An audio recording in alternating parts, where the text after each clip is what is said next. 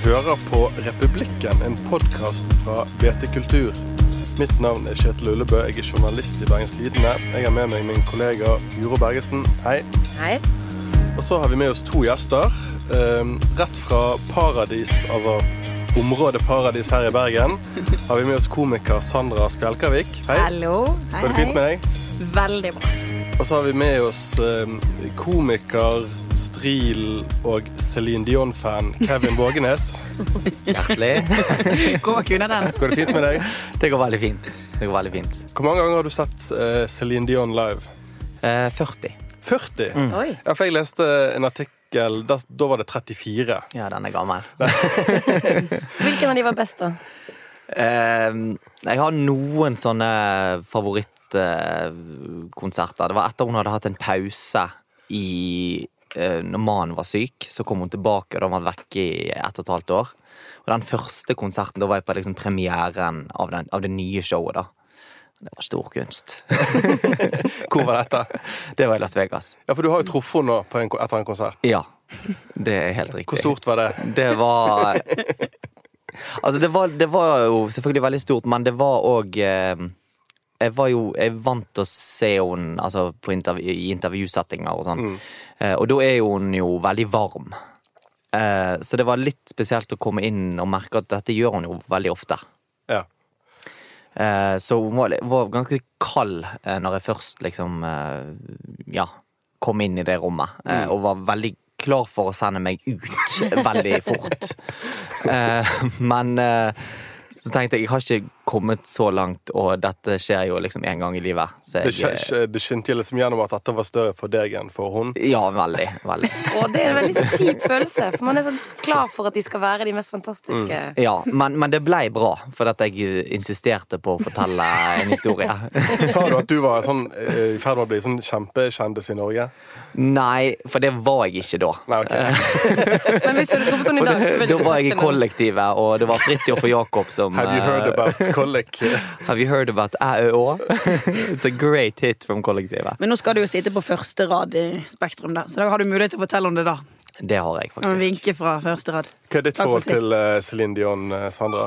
Du, Jeg skal på samme konserten som Kevin. Jeg, så det jeg er veldig Men jeg har jo, det blir min første Céline Dion-konsert, eh, i motsetning til Mm. Kevin sine 40. Så jeg har jo uh... Men det er ganske fascinerende. Altså, jeg tror ikke det er mange som hadde Altså, jeg hadde jo trodd det, men det var nok ikke mange som trodde at hun skulle selge ut eh, Telenor Arena 25 000 billetter på fem minutter. Eh, og legge ut en ekstrakonsert som blir utsolgt i løpet av et kvarter. Eh, Det tror ikke jeg heller. Men hun- det er jo sånn mye nostalgi i folk da, som kommer fram. Og, I hvert fall for min del òg. Ja, ja. Nei, men jeg, jeg tror mye sånn barndoms For det var det for min del. Sånn, å, hun har jeg kjempelyst til å se. For det, jeg hørte jo masse på henne da jeg var yngre. Og. ja. Men det var veldig kjekt at dere kunne komme og være med i Bergens Tiendes nye Céline Dion-podkast. Ja, ja. Tema for dagen er kun for fakta du ikke kunne om Céline Dion. Eh, Dere to eh, for tiden er jo, eh, løper rundt på Ole Bull scene med Julegøy 2. Eh, er, det, er det gøy, Kevin?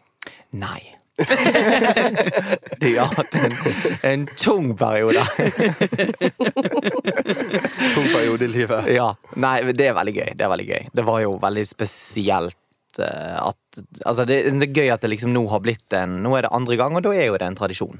Alt som blir gjort andre gang, det må jo bare Ja. bestå. For det der er sånn som bergensere tror, men alle vet at det skal gjøres tre ganger for det er en tradisjon. sant? Alle i dette rommet vet det. Alle Ja, dette. nå ødelegger du. Ja, men I Bergen er det to som er regelen. Ja. Eller knapt nok det. Og det er en så sjarmerende egenskap med bergensere. Vi har egne regler for alt. Eh, To, da er det tradisjon. Ja. Så det ble jo, var jo veldig gøy i fjor. Skulle spille da to show først, så ble det fire, så ble det 51. Ja, Lett for, så for- det som skulle være en ganske sånn rolig, behagelig eh, desember, ble jo liksom et lite juleeventyr. Eh, Fikk jeg inn et flott bilde på det. Eh, og så ja, er det bare veldig gøy at i år har vi fått mer tid på å forberede oss, og ja, vi hadde fire dager øving i eh, fjor. I dag vi hatt, eller i år har vi hatt fem. Ja, vi har hatt lenge. Men vi, ja, det har vært veldig, veldig gøy. Og folk eh, solgte billetter, heldigvis. Og jeg var litt sånn spent på Bjarte Hjelmeland skulle spille samme høst. Altså skulle begynne ganske sånn rett før oss. Og han er, har jo veldig mange publikummere som vil se han når han kommer til Bergen. Så var vi, jeg var i hvert fall litt spent på det. Om, om klarer vi å selge billetter òg. Så det var litt sånn Vi skal slå han av Bjarte. Vi skal slå Bjarte. Og det har vi klart! nei, nei, vi har ikke det. Vi har ikke det. Nei, det er veldig kjekt, altså. Litt av grunnen til at uh, når du når neste Celine Dion-konsert At hun, hun bør vite hvem du er, det er jo parterapi. Ja. Så du kanskje, kanskje har blitt uh, ja, et av de største humorfenomenene i Norge på ganske lenge. Jeg føler det er ganske sjelden sånn i 2019 at det er noen sånne språklige uttrykk av Frank som alle tar. Det er liksom sånn Man forbinder det med sånn Fleksnes på 70-tallet og, og sånn, uten sammenligning for øvrig. Hvordan har det vært å, å liksom se Hvordan har det vært å oppleve det å være med på at, at han ser han blir så stor, Kevin? Eh, nei, det har vært eh, veldig Jeg var mm, Jeg har bodd litt sånn de siste fire årene, så jeg har vært, bodd veldig mye i LA. Ja. Eh, så jeg, når det på en måte eh, Hva skal man si Når jeg skjønte at det hadde tatt litt av, så var jeg eh, vekke.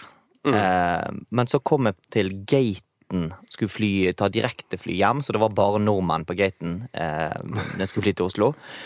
Eh, og da skjønte jeg at jøss, dette har jo veldig mange på dette flyet i hvert fall fått med seg. Eh, Hva som skjedde? Nei, det kom bort eh, Jeg har vært vant til å få gå, liksom, få gå i fred, og vært med i kollektivet, og det var Jakob og Fridtjof som liksom var de musikkvideo, mm. de populære kjekkasene. Eh, men eh, det, det var første gang jeg opplevde liksom at oi, det var barn som kom bort, og eh, foreldrene og sånn. Og så eh, kom jeg til Gardermoen. Og så skulle jeg ta flytoget, og da hadde det vært litt sånn masse folk som kom bort på Gardermoen òg. Og jeg er litt sjenert, i hvert fall sånn privat. Jeg driver jo med det jeg driver med, men der har du på en måte en komfortsone med de du kjenner, og det, det er ikke så veldig Det er ikke så veldig skummelt. Eh, men jeg, sånn å skulle by mye på meg sjøl, sånn, det er jo ikke noe jeg er så veldig vant til. Eh, og så eh, hadde det vært eh, masse folk på Gardermoen, og så skulle jeg sette meg på flytoget. Og da eh, tok jeg på musikk, og bare satt med musikk i hjørnet, Så så jeg en gammel dame. Eh, det var eneste stedet som var ledig. Så tenkte jeg ja, men jeg sitter med med hun. Hun må ha vært 85. Holdt seg godt for all del, men eh, jeg sitter, og det har ikke gått mer enn liksom fem minutter, så pirker hun meg på skulderen og sier 'Er det deg fra parterapi?' Nei, det har du har fått med deg dette, liksom? Hvor, hvor i all verden har du altså, uh, Har du internett? ja, ja. Men da skjønte jeg at å ja, det, dette virker som det har nådd bredt. Ja. Hva er den vanligste referansen folk uh, kommer med, da? Hvilken karakter er de mest opptatt av? Eh, det jeg kanskje eh, mest lei av å høre, eh, er folk som kommer bort og sier 'Å, Willow'. Jeg vet ikke hva jeg skal respondere Ja, men kjekt. Bra, da! Hyggelig. Så, men jeg hadde en eh, Det var faktisk her i Bergen. Skulle gå til Ole Bull. Eh, på å skulle ha forestilling, og så er det bare en dame som uh, smiler til meg når jeg går forbi, og så stopper hun opp sånn rett foran meg, så bare sier hun 'Å, Willo', og så bare går hun videre. Ingenting mer. Og det syns jeg var en veldig Hun sikkert, det, det er sånn øyeblikk som man gjør. Og så når en gang hun har gjort det, så tenker hun sikkert 'helsike, hva var det? Hvorfor gjorde jeg det der?' Det var gøy i øyeblikket. Ja, ja. ja, men det var veldig kjekt, for hun, det, var, det, var ikke noe med, det var ikke noe sånn at hun Nei da. Hun ville ikke mase på det. eller. Nei, og bare hun ville liksom Jeg, Bare har- jeg har sett på, Jeg har sett. og ja. Jeg anerkjenner. Så det er veldig mange fine folk eh, som har kommet bort. Eh, det eneste som jeg syns er litt eh, uvant, det er når jeg er ute. Eh, på byen, og når folk eh, Når frontallappen har gått i kollaps. Eh, for da er det veldig mye mm, Jeg tror det er veldig mange som tror at jeg syns bare det er utrolig gøy å være klovn. Eh, og det er jeg ikke. Eh, så ja, hvis jeg blir bedt om å Spesielt hvis, jeg er litt mer edru enn de, og blir bedt om å spille en video til konen som Kjell Simen, er Det, det syns jeg er veldig kleint. Så, men ellers veldig hyggelig. Jeg fikk lurt på det der om det er sånn at alle går rundt og forventer at du skal være så vittig hele tiden. Det var faktisk en som jeg eh, kom bort til meg, og så var han veldig hyggelig, og jeg var hyggelig tilbake, selvfølgelig. Jeg er en, håper og tror at jeg er en hyggelig fyr. Det kan jeg signere under på. Ja. Eh, men eh, når folk eh, sier at de har sett på sånn, så er jo Ja, jeg blir litt sånn usikker på hvor mye jeg skal Så jeg sier bare så kjekt, og ja. Det er veldig kjekt å høre. Altså, ja. Eh, Men så snudde han seg ganske raskt og sa åh, han var mye, mye kjedeligere enn jeg hadde trodd. så han forventet Og så tenkte du gud, han skjønte meg. ja. Så jeg vet ikke hva han hadde forventet. At jeg, skulle, at jeg hadde parykker på innerlommen som jeg skulle dra på litt og by litt på. Men eh, jeg var bare hyggelig tilbake, og det var tydeligvis eh, for dårlig. Du, hvordan, eh, hvordan har disse karakterene dukket opp? Eh, nei, det er jo mange år med eh, vi, vi har liksom gått tilbake, jeg og han som jeg skriver med, da, Martin Simmer, og gått gjennom livene våre. Og for eksempel Maiken, da, som er hun eh, som skaper dårlig stemning uten grunn, holdt på å si. Litt dårlig stemning i rom, rommet der òg? Ja. Eh, hun eh, møtte jeg eh, første gang på Gikk på skole på høyskolen i Oslo. Eh, Da møtte vi, du hun. da møtte jeg hun. Ja. Da hadde vi gruppearbeid, og så var jeg eh, gruppeleder. Eh, for det var sånn, vi, jeg tror vi trakk lodd om altså, Det var jo ingen Det er jo ikke som om du er sjef, men du skal liksom bare organisere ting. Og så prøvde jeg å være så diplomatisk som mulig. Og liksom, hvem har lyst til å gjøre hva? Hvem har lyst til å ta markedsføringen? Hvem har lyst til å sitte med budsjettet? Og hun hadde lyst til å ta markedsføringen, da. Og dette var et uh, markedsføring. Det var veldig seriøst. Vi skulle sette opp et skuespill. Eh, men eh, ja, så ville hun ta markedsføringen, og alle var happy. Og så sier jeg sånn, ja, men da har jo alle fått gjøre noe de vil, og eh, alle, Så da bare går vi i gang med det vi skal. Og da var hennes eh, respons Ja, det var kanskje ikke det gøyeste jeg fikk der, men ja. Eh, og så sier jeg, «Å ja, men eh, du ville jo Jeg trodde det var jeg, Da har jeg misforstått. Jeg trodde det var dette du ba om.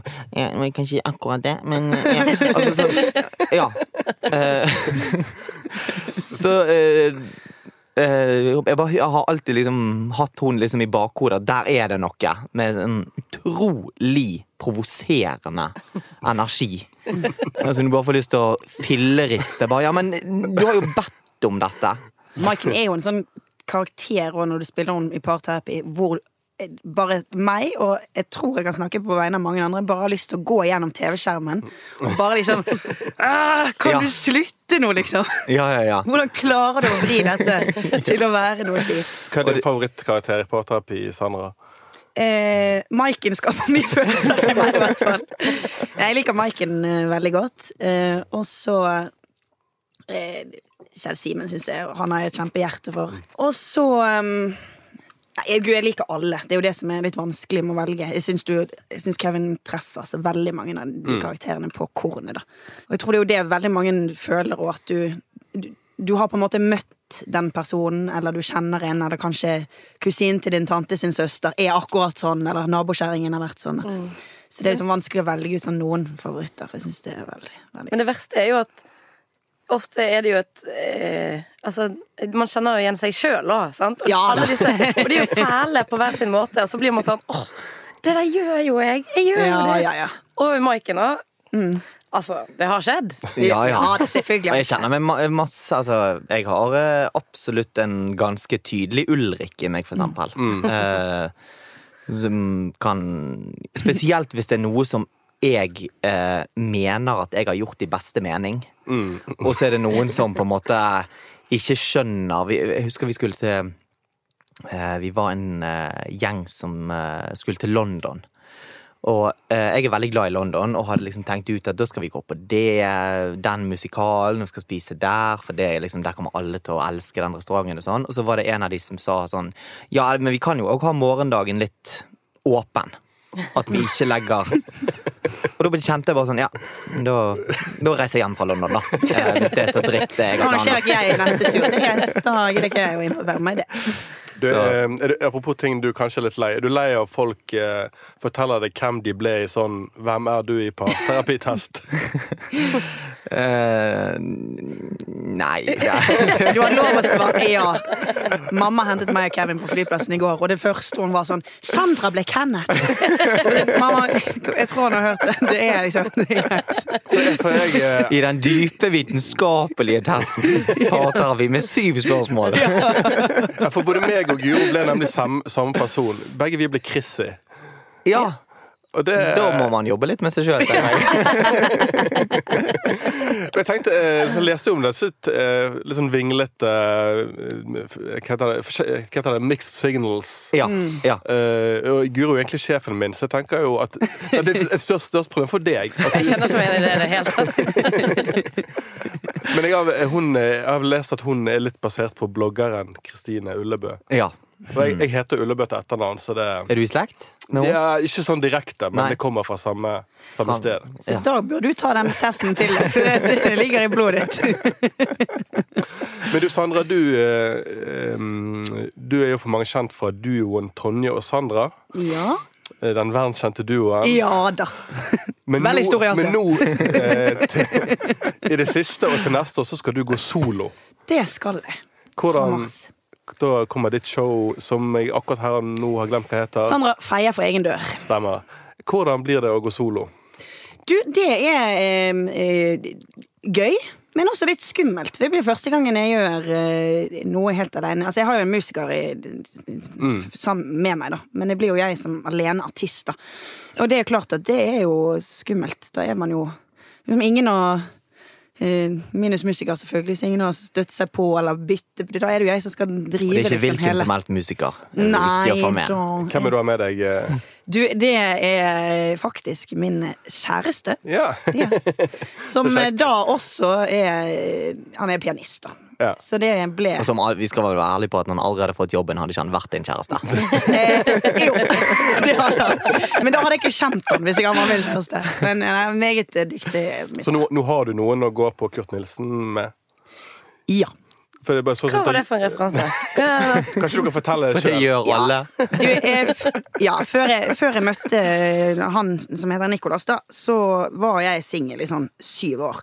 Og jeg fikk jo liksom veldig ofte sånn Min søster var, hadde da kjæreste på syvende året og var liksom så etablert med leilighet, og, da, da, da, og jeg bodde i kollektiv og var alltid hun single i alle familieselskaper, og det var bare sånn Ja, er ikke det på tide at du finner deg noen, og er det ikke noen i Sikte snart. Du er jo 28, så det er kanskje på tide.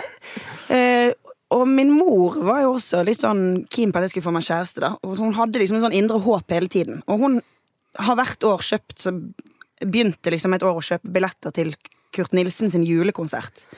Og da kjøper hun jo veldig tidlig, for det blir jo veldig fort utsolgt. Sånn i mars-type februar? Ja, februar typ, Ja, ja. kjøpte hun vel billetter. Så skulle vi, vi gå på den konserten i desember. da Og da kjøpte hun liksom til hele familien med sine respektive. Og i tilfelle jeg hadde kjæreste i desember, så kjøpte hun en ekstra billett til meg. Og det var jo et nederlag, eh, for jeg endte jo da med å gå med naboen. En venninne av mamma. Som fikk den billetten.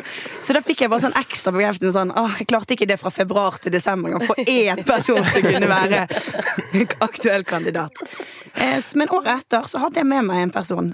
På, Det hadde vært gøy om du møtte noen i november, som du sa. Du, forresten. Forresten. Virker jo som vi har god tone nå. Ja Passer det? La det rett ut på Tinder-profilen, vet du. Men det var så ikke dette høres ut som en veldig god sånn romantisk komedie. Hun som absolutt må ha med seg en på Kurt Nilsen, og så treffer hun en rett før. Ja, ja. Her er det bare å skrive manus, noen der ute. Så. Eh, Story of my life. Men det gikk jo fint, da. Så året etter så var, måtte nabokjerringen bli hjemme. Da Men nå er sånn, før du uh, setter opp showet, så du har vel uh, drevet en del med standup de, de siste årene? Ja, de siste to årene har jeg egentlig gjort nesten bare det. Og Ja. det God øving. Ja vel, ja, absolutt. Og så var det en sjanger som eh, Det som jeg og Tony holdt på med, er jo litt i den verden jeg skal inn i nå med, med eget show. Så det er jo litt sånn karakterer og musikk og sånn. Og, og det, er, det er veldig annerledes enn å gjøre standup. Jeg har ikke gjort så mye av, det bare i meg og mitt. Og helt clean uten noe parykk, uten noen ting. Så det var en sjanger jeg hadde veldig lyst til å prøve å få til å mestre litt. da. Det å stå helt i seg selv. Det er ganske sårbart. Det er det mest eh, Altså Det er så brutalt. Ja. Altså både, både publikum hvis, hvis du opplever at uh, en på scenen som gjør standup, ikke når ut. Det er så vondt både for publikum og for den på scenen. For alle, alle vet det, men ingen snakker om det. det er sånn, altså, for du kan ikke gå i den her Ja, dette, dette funket jo ikke. Altså, den er for gammel, eh, på en måte. Så men alle har jo lyst til å si sånn "Du, Det er greit om du bare går av nå. Har du gjort mye standup sjøl? Nei, jeg har gjort eh, Jeg gjorde det for første gang på Sommerlatter i Oslo for eh, ett og et halvt år siden nå. Det var første gang jeg liksom sto i ti minutter og gjorde det. Og snakket om eget liv og eh, prøvde den eh, sjangeren. Og første kvelden der var så brutal. Eh, Hva skjedde? Nei, jeg, hadde tenkt bare Jeg hadde skrevet litt mer sånn eh, Jeg vet ikke om dere har referansen, men Linn Skåber, 'Hjerte til hjerte'. Eh, litt mer sånn Jeg spilte på en måte en slags eh, rolle som meg sjøl, som bare var litt sånn uspiselig. Som jeg, noe av det gøyeste jeg vet. som jeg har gjort masse på Instagram, og da kan på en måte du skjønner folk det veldig fort. Men, men eh, på scenen så sitter det plutselig mye eldre folk som eh, kanskje ikke er helt med på den. 'Å ja, tuller han nå, eller er han så jeg snakket om at jeg kom rett fra Mette-Marit og var sliten for hun hadde laget noe dårlig til middag. Og, altså, det er bare sånn eh, Ja, hadde noen sånne lag av eh, ja, av humor da, på en måte som jeg hadde tenkt kunne bli morsom, men som bare ikke funket i det hele tatt. Og det var sånn jeg fikk lyst til etter åtte minutter å si sånn Beklager at dere måtte se på dette. Ja, var det fordi folk ikke, ikke skjønte karakteren, på en måte? Ja, de var ikke med på hva jeg prøvde på, rett og slett. Eh, så da var Elina Kranz der, og eh, hun så jo at jeg var sånn rett i kjelleren etterpå. Uh, og så kom hun bort og 'Dette går fint! Masse gøy!' Vi kan kanskje skrive om på litt, grann, da, men. Så da gikk jeg bare rett hjem og skrev om eh, alt. Eh, fordi det var så Jeg skjønte liksom at det, det måtte være en det, det måtte være tydeligere da enn eh, på TV. Så kan du på en måte Du kan tillate deg at det går en episode eller før folk helt skjønner hva som er greien. Eller på Instagram. Eller. Mens eh, her måtte du liksom være rett på et komisk premiss ganske umiddelbart for at folk skulle være med på det.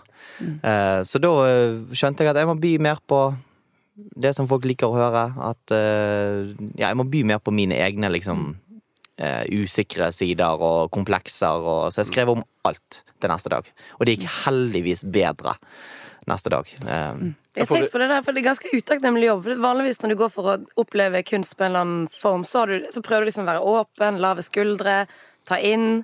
Men jeg opplever at når jeg går for å se humor, så starter jeg liksom med skuldrene rett under ørene. For jeg er så redd for at det, at det skal bli vondt for den ja. komikeren. Sant? Ja. Så jeg, jeg sitter sånn og anspenner meg alt jeg kan, og så ja, ja. når det er gøy, så bare OK, jeg slapper av. Så du begynner liksom i feil ende. Ja, men det er veldig, veldig veldig sant. Eh, og det, jeg tror de beste komikerne, eller de beste standuperne, som Kristoffer Schjelderup, da, for eksempel, som jeg ble kjent med i fjor. Som jeg eh, egentlig ikke hadde sett noe av før, men jeg sto med han på Sommerlatter i Oslo for første gang. Han var en sånn komiker som i løpet av tre sekunder så bare fikk jeg en sånn Å ja, jeg kan slappe av. For dette blir gøy. Han bare hadde en sånn, han kom på med en sånn voldsom trygghet og pondus eh, som, som jeg ikke har naturlig i det hele tatt. Jeg må liksom fake it eh, i større grad. Eh, men eh, ja, jeg, jeg er helt eh, lik. Jeg sitter ofte òg med høye skuldre og liksom Å, blir dette du, For du har så lyst til altså, Du har kjøpt en dyr billett, og du, du har så lyst til at det skal bli bra, men så er du liksom ikke Du, du trenger at den komikeren er utstråler trygghet. Ja. Det er litt det som er øvingen i det. Hva er din verste opplevelse, Sondre? Ja, jeg, jeg har jo gjort det i en Ja, man har gjort liksom en, en sånn type jobb hvor du bare merker at sånn Ok, folk har kanskje drukket ganske mye, du er på en, et julebord eller noe sånt, og så har du opplevd sånn at sjefen har kommet og liksom sånn Det er kjempefint som du er en overraskelse. Og så blir jeg sånn Men det hadde folk blitt glad for hvis det var Dagfinn Lyngbø som bare sånn Surprise! Dagfinn Lyngbø her. Men når folk blir overrasket, og så er de så i tillegg sånn Hvem i helvete er hun? Så vet jeg ikke helt om det er det lureste for min del. Um, og hvis folk liksom har Ofte er det jo sånn på julebord sant? folk drikker og koser seg. Og, så det har jo liksom skjedd da at måte folk kanskje ikke har vært så veldig interessert at man er der. Mm. Um, fordi at de er liksom opptatt med sitt, og de er inne i en god prat og sånn. Og det er så ubehagelig når du skal prøve å trenge gjennom denne lydmuren, eller liksom prøve å stjele den oppmerksomheten. da. Mm. Så Sånne har man jo hatt, men det er jo gjengangere for folk her. Det er jo mm. noen sånne jobber som er litt tunge. Ja, jeg skjønte veldig at det var eh, Det var viktig å bli introdusert. Ja, det er så eh, viktig. som komiker. ja. Og at sånn bare gi folk eh, mm. lov til det. For jeg, eh, en av mine første jobber, det var eh, Jeg gjorde et program som het Mellom bakker og berg. Eh, der jeg spilte en sånn program, Norge Rundt-programleder-type. Eh, som bare er en, en, en klein type. Mm. Og så gjorde jeg en firmajobb Eh, der jeg var konferansier som han, og der jeg ble introdusert som programleder. Ja. Eh, og det programmet var det ikke så veldig mange som hadde fått med seg. Eh, og så begynte jeg å hadde en sånn eh, monolog om firmaet og sånn, og så eh, sa jeg at eh, ja, det er jo et åpent, inkluderende firma, og men jeg har skjønt det sånn at det er noen homofile her i kveld.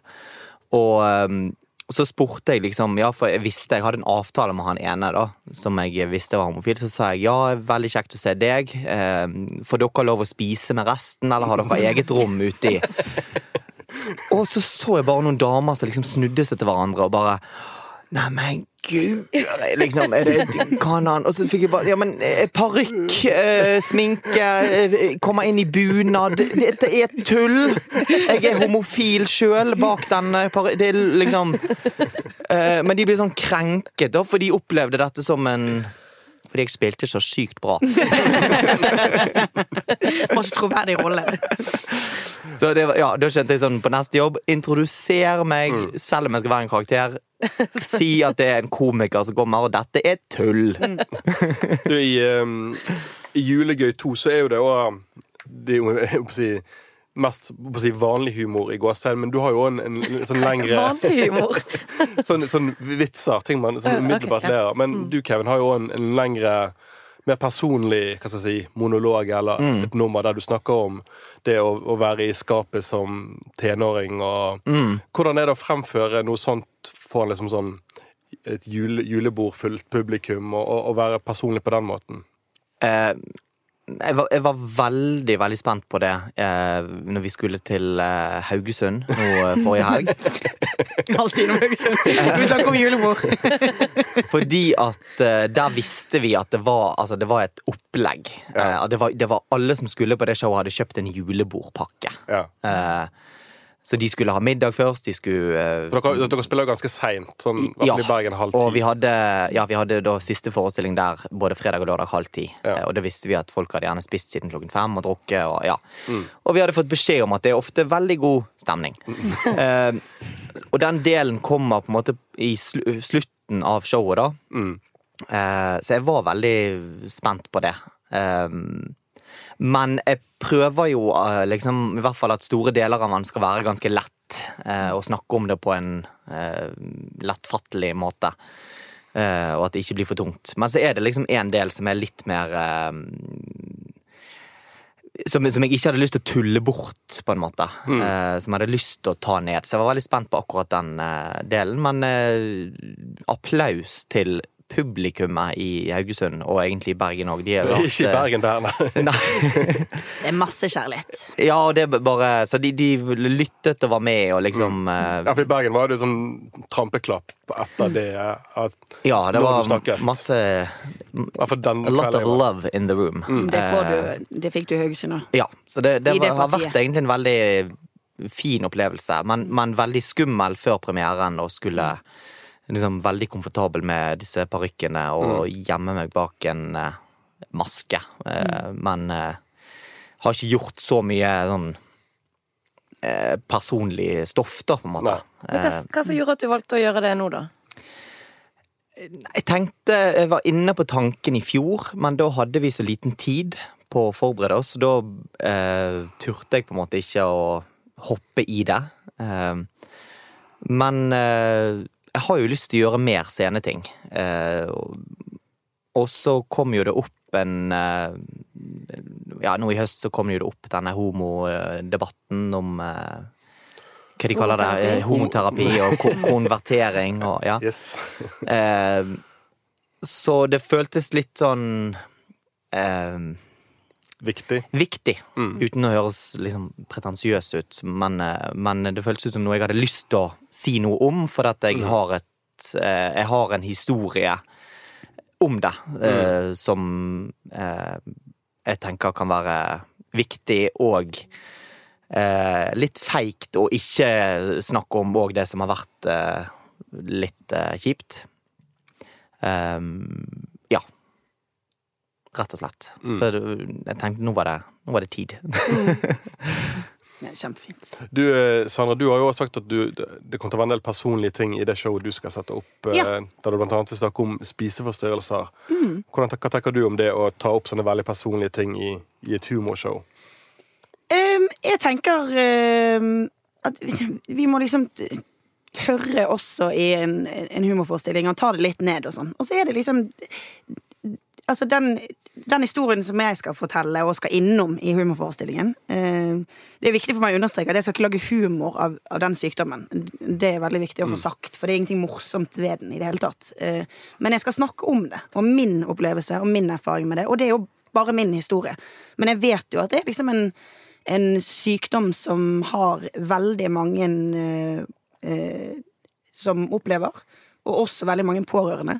Eh, fordi at eh, når en person er, blir veldig syk, så er det veldig mange rundt også som, som blir syke sammen med mye familie og venner som blir syke sammen med den personen. Så jeg føler også at det er en sånn viktig ting vi snakker om. Det er Spiseforstyrrelser og angst og depresjon er veldig utbredt, dessverre. Så, så jeg føler at det er litt viktig eh, at vi snakker om det også.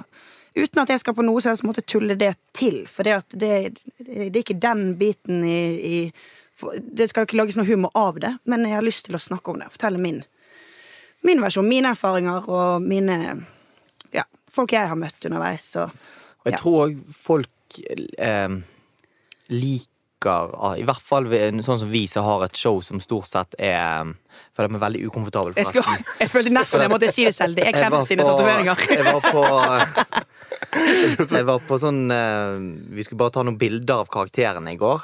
Eh, så dette er da rester fra Kenneth. Altså, Som vi, jeg har, ikke har fått tatt av ennå. nå ser vi tatoveringene til Eller, det er jo ikke Kevin sine tatoveringer, men det er Kenneth sine tatoveringer, kan vi si. Jeg liker best Cato.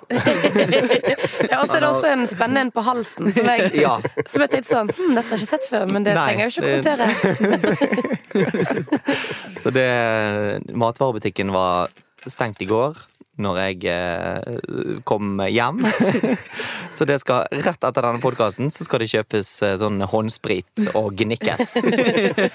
Jeg er veldig lite komfortabel med det, merker jeg. Men eh, det jeg skulle si, var at eh, jeg tror eh, publikum òg, når de ser sånn som Julegøy og mm eller ditt show, eller når man eh, Det er mye parykker og mye tull, og det er sang og fjas. eh, Så tror jeg det òg er litt eh, jeg kjenner jeg på, i hvert fall som publikum, at det er litt fint med én del, i hvert fall, som, mm. der komikeren er litt mer ærlig.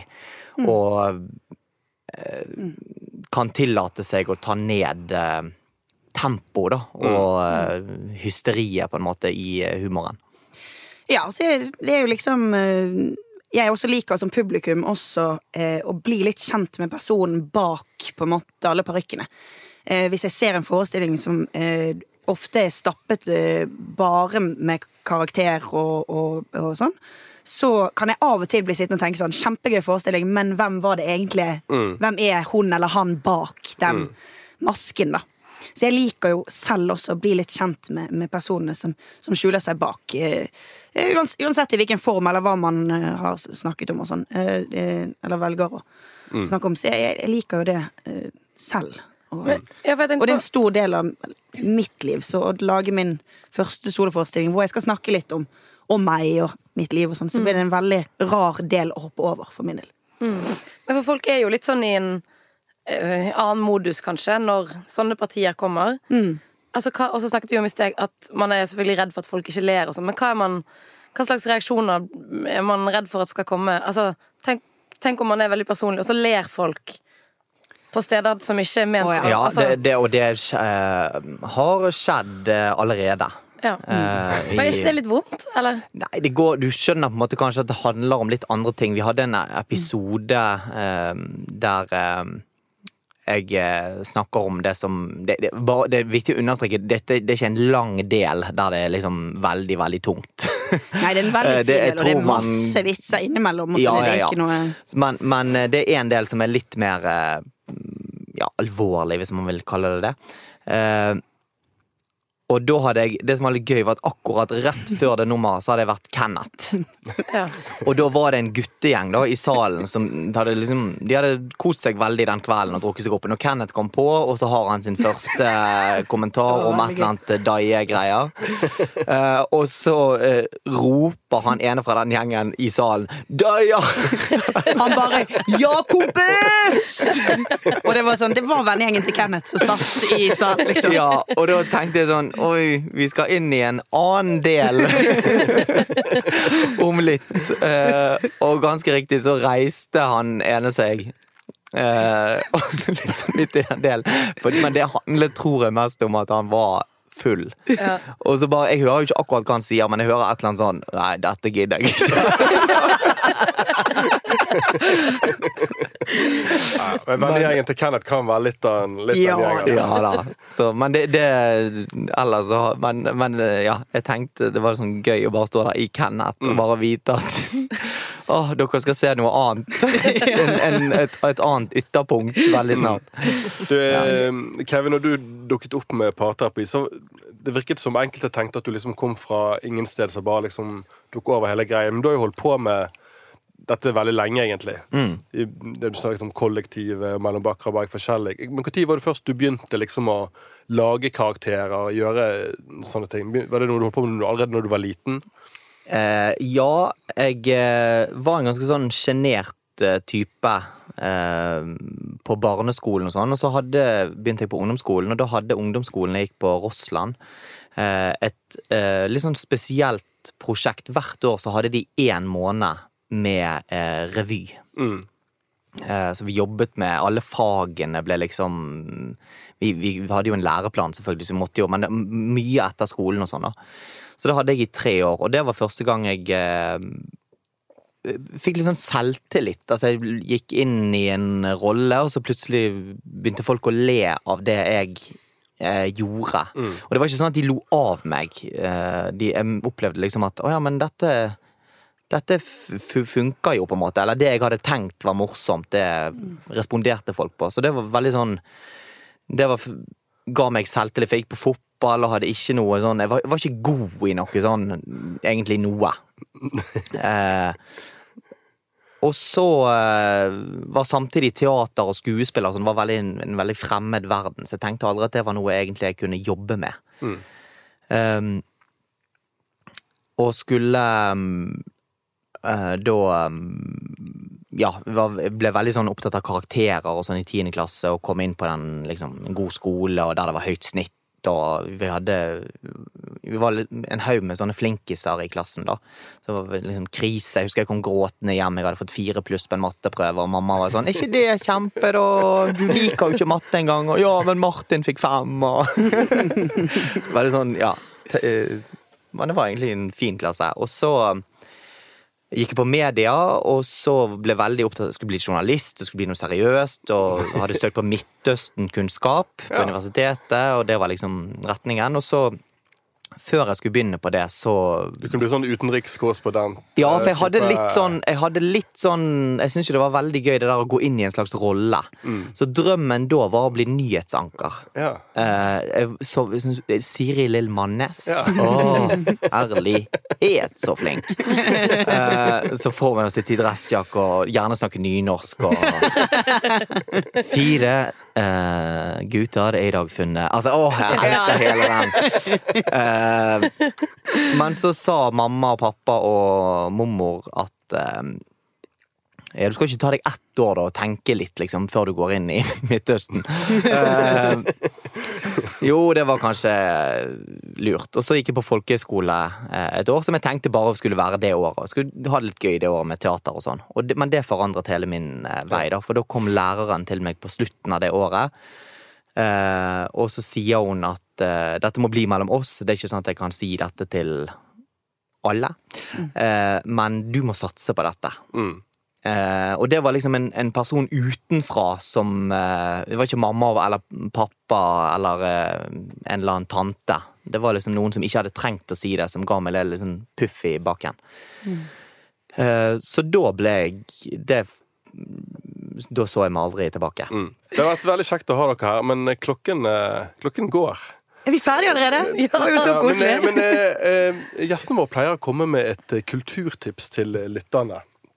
Ja, det, eh, det er dere med på? vi er med på det. Ja, men det er bra. Julegøy to...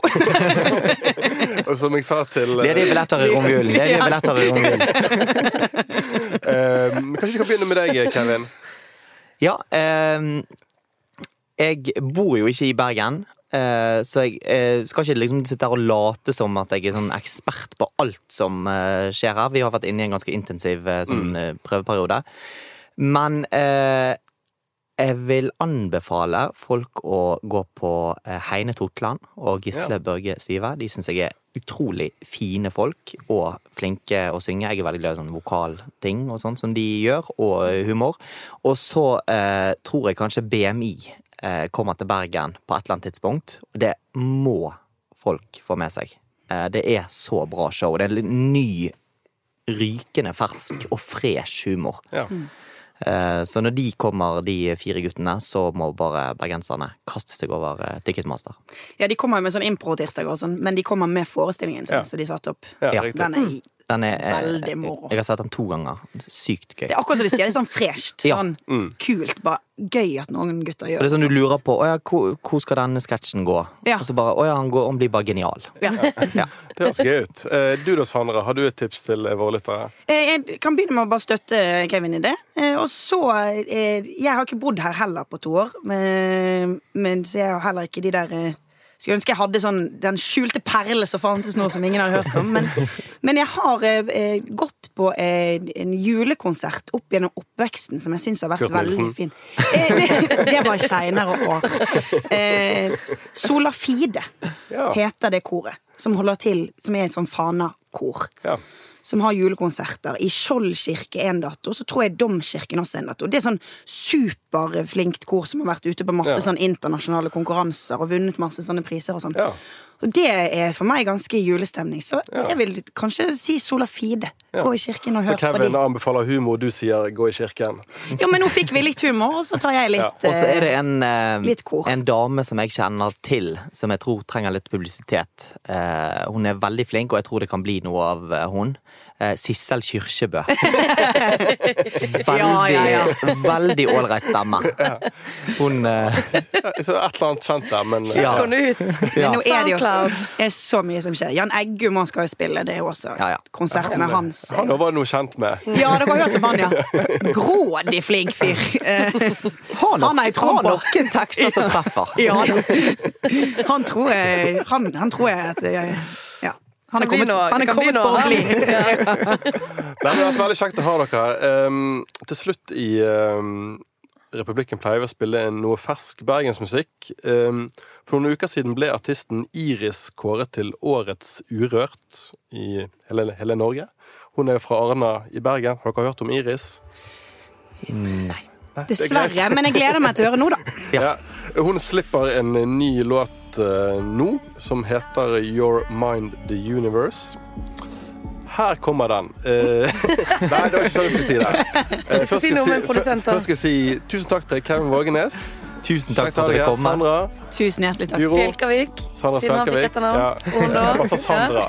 Sånn eh, artistnavn. Madonna. Sandra. Ja, nei, for jeg heter jo Sandra Feier for egen dør i forestillingen. Så jeg går rett i på en fornavn. kvinnediskriminerende avslutning. Nå når vi hadde hatt det så gøy. Hvordan skal jeg romme ut av dette? Ja, uansett, mitt navn er Kjetil Ullebø. Produsent for denne podkasten har vært Henrik Svanevik. Her kommer Iris med Your Mind The Universe. Ha det bra. Ha det.